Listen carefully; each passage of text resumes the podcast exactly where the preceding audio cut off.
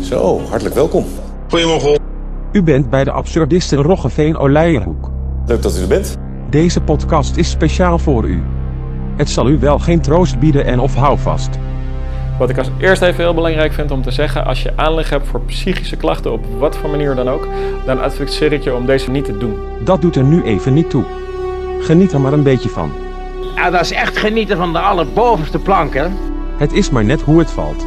Welkom beste mensen bij dit programma over bijna doodervaringen, onder andere. Maar ja, Want ik ga jullie uitleggen, ik ga jullie vertellen hoe jullie zelf kunnen communiceren met overledenen, met engelen, met gidsen. Maar ja, Kun je dat leren? Contact maken met overledenen.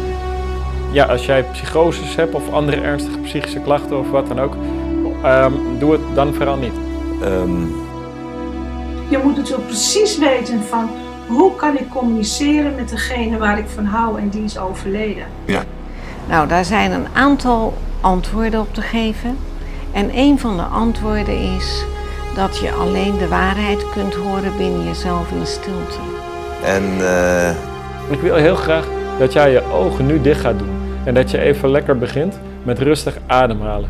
een, een, een, En als je midden in dit leven staat, vaak midden in dit gekke huis, waar blijft dan de stilte?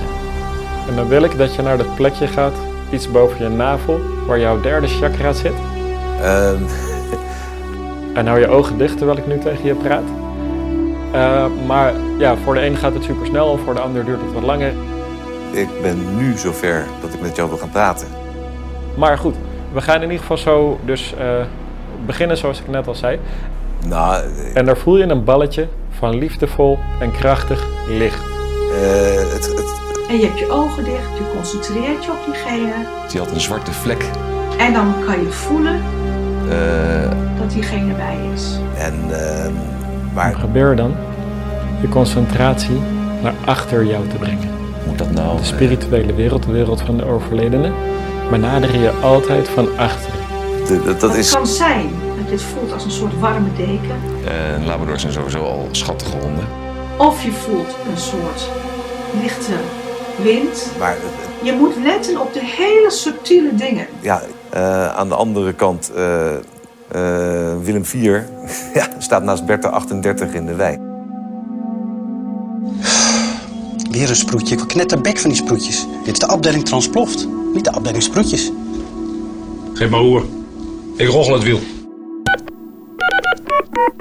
Psychiater nodig? Tik psychiater en vind wat je zoekt. Met plattegrond. Goudegids.nl